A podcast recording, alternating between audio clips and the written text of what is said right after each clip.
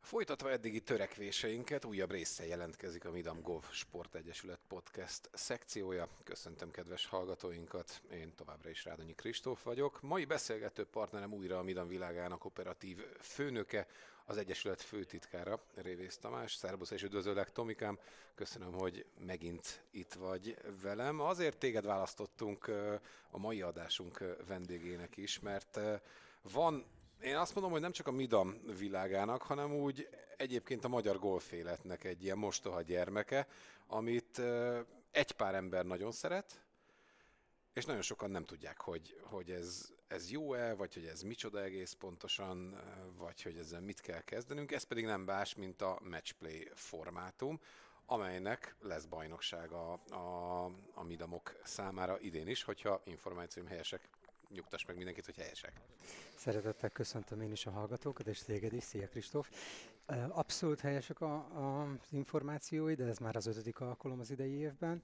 És igen, tehát ahogy említetted, hogy m, picit, mint hogyha mostoha gyerekként bánnánk ezzel a matchplay bajnoksággal, illetve matchplay játékformával, ami azért érdekes különösen számomra, mert a 90-es évek végén, 2000-es évek elején, hogyha jól emlékszem, az Old nek volt egy fantasztikus matchplay bajnoksága, ahol, Akkor én még nem golfoztam, ezt nem tudom. Eh, ahol emlékeim szerint 100 fős létszámmal jelentkeztek még annó ugye a stroke play kvalifikációs versenyre, és nagyon nagy kihívás volt bejutni, és nagyon nagy szó volt bejutni egyébként a, az egyes kategóriáknak a, a tábla mérkőzéseire. Egy egész szezonon átívelő bajnokságot uh, próbáltok szervezni az idei szezonban, mint ahogy az eddigi uh, szezonok alkalmával is.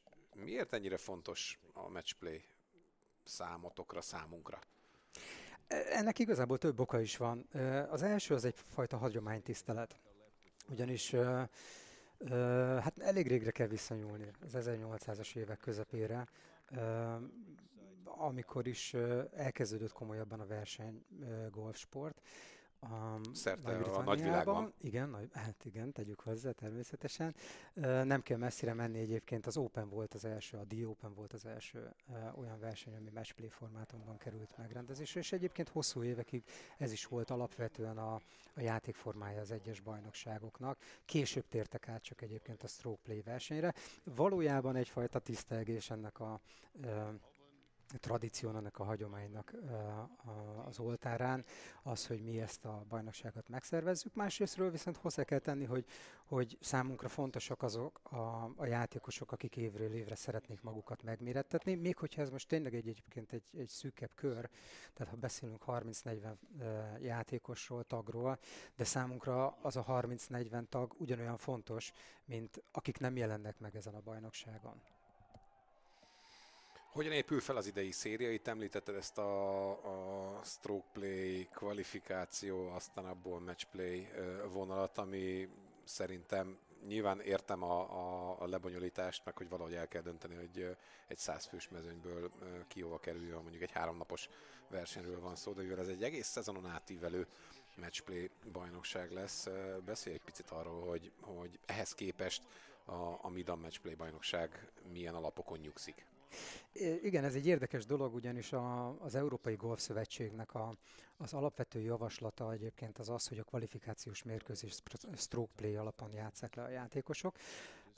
Még annó, amikor öt évvel ezelőtt gondolkoztunk azon, hogy milyen játékforma lenne a megfelelő a kvalifikációra, akkor tulajdonképpen azért, az elnökség azért maradt a matchplay kvalifikáció mellett, mert hiszen azt mondta, hogy, hogy legyen ugyan az a fajta típusú játékforma, a kvalifikációban, mint ami tulajdonképpen majd eldönti azt, hogy valójában ki is lesz például a matchplay-nek a bajnoka. Abszolút jogosnak érzem én ezt. Így, én is azt hiszem, hogy emellett kardoskodtam annak idején, amikor ez így felmerült, és megkérdeztek, akkor szerintem még Csabi volt a, az Ilai Csaba volt a, az elnök, és akkor én azt mondtam neki, hogy ezt meg lehet csinálni, nem feltétlenül kell minden kvalifikációs meccset ott azonnal lejátszani, és valahogy e felé tendáltunk azóta. Így van, és azt kell mondjam egyébként, hogy abszolút népszerűségnek örvend ez a formátum amiben alapvetően csapat, csapatokat hozunk létre, csoport tulajdonképpen csoportokat, csoportkörmérkőzéseket játszanak a játékosok egymással. Egy sorsolásos rendszerben derül ki az, hogy melyik csoportba kik, melyik játékosok fognak bekerülni. Minden egyes csoport egyébként különböző handicap kategóriá játékosokat tartalmaz, tehát van egy magasabb, van egy közepes és egy alacsonyabb handicapű játékos is egy-egy csapatban, és az ő körmérkőzéseik által elért eredmények és annak a tabella állása határozza azt meg, hogy tulajdonképpen melyik játékos majd melyik táblára fog felkerülni.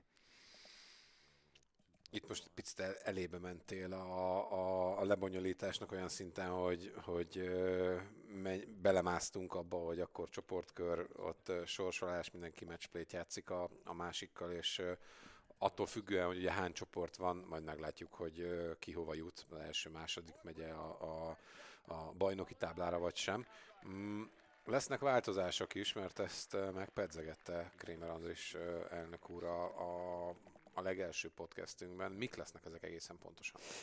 Igen, alapvetően a, azt tudni kell, hogy a, a Midamatőr Egyesület és így az elnökség ö, nagy hangsúlyt helyez arra, hogy, hogy a tagságának a véleményét kikérje és meghallgassa, és ezek alapján szervezze az Egyesületnek az életét.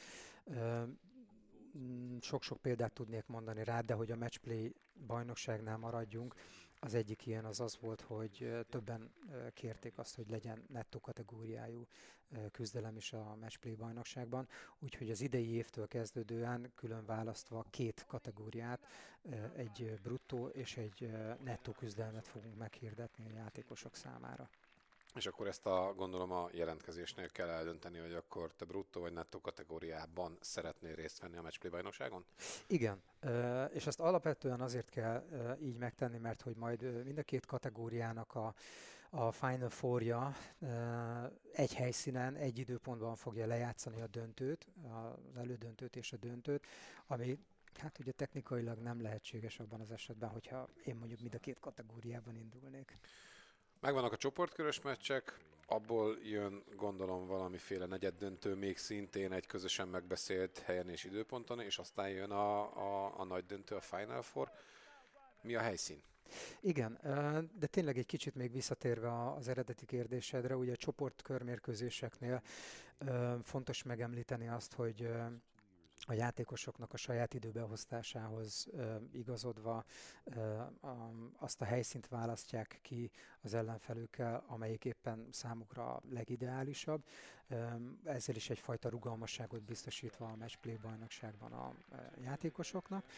És igen, ahogy megtörtént a csoportkörmérkőzéseknek az záró mérkőzése, ugye meg vannak a helyezettjeink, az első helyezettek kerülnek az első tabellára, második helyezettek a második, és így tovább, különböző tabellákra. Akik játszanak majd az első tabella az 1-től 8 való helyért, a második tabella a 9-től 16 és így tovább. És igen, tehát még a tabella mérkőzéseknél is az első, körmér, az első uh, egyenesági kieséses mérkőzést azt még odahaza játsza le mindenki, saját uh, időpontban, az ellenfelével egyeztetett helyszínen. Majdan a, ugye ez a négy közéjutásért, majdan a négyek, Zircen, a Forest Hills Golf and Country Clubban szeptember 30-án fognak összegyűlni, minden egyes tabellának a, és itt értendő, beleértendő a női, férfi, bruttó, nettó tabellák is. Um, Zircen fognak összejönni szeptember 30-án, és ott fogják lejátszani azt az első mérkőzést, ahol majd a döntőért lehet játszani, döntőbejutásért, és délután pedig azt a mérkőzést, ami tulajdonképpen el fogja dönteni a, a helyosztóknak a sorsát. A hírnév és a csillogás mellett nyilvánvalóan itt is felmerül egy olyan témakör, hogy a díjazás az, az legalább olyan busásnak ígérkezik, mint amilyen volt a, a tavalyi szezonban? Hát reméljük, hogy még busásabb lesz. Ö, ö, egyelőre még nem... Under construction? Igen, egyelőre még titkokat nem árulhatok el de, de dolgozunk azon, hogy tényleg még értékesebb díjakat kaphassanak a játékosok. És akkor a legfontosabb kérdés itt a végére, meddig lehet jelentkezni?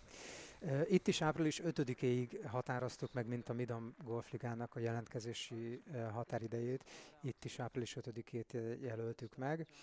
a, ami azt jelenti, hogy eddig a határidőig, akik leadták a nevezésüket, akár nettó, akár um, bruttó regisztrációban, közöttük fogjuk majd a, a sorsolást elvégezni, és osztjuk őket majd uh, csoportba, úgyhogy igazából mindenki csak biztatni tudok, hogy figyelje a, az online médiát, figyelje a közösségi oldalakat, YouTube csatornánkat, mert hogy egyébként közvetíteni tervezzük egy, a Midam Golf Ligának is, és a Matchplay bajnokságnak is a sorsolását online.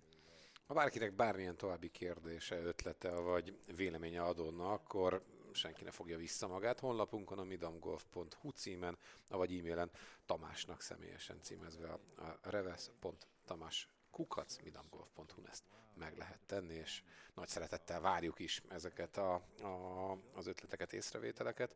Tomi, én nagyon bízom benne, hogy mindenkit egy picit közelebb tudtunk hozni a, a matchplay játékformához és a bajnokságon való induláshoz, és hát köszönöm szépen a mai közreműködésedet is. Találkozunk legközelebb. Köszönöm én is a lehetőséget, viszont hallásra.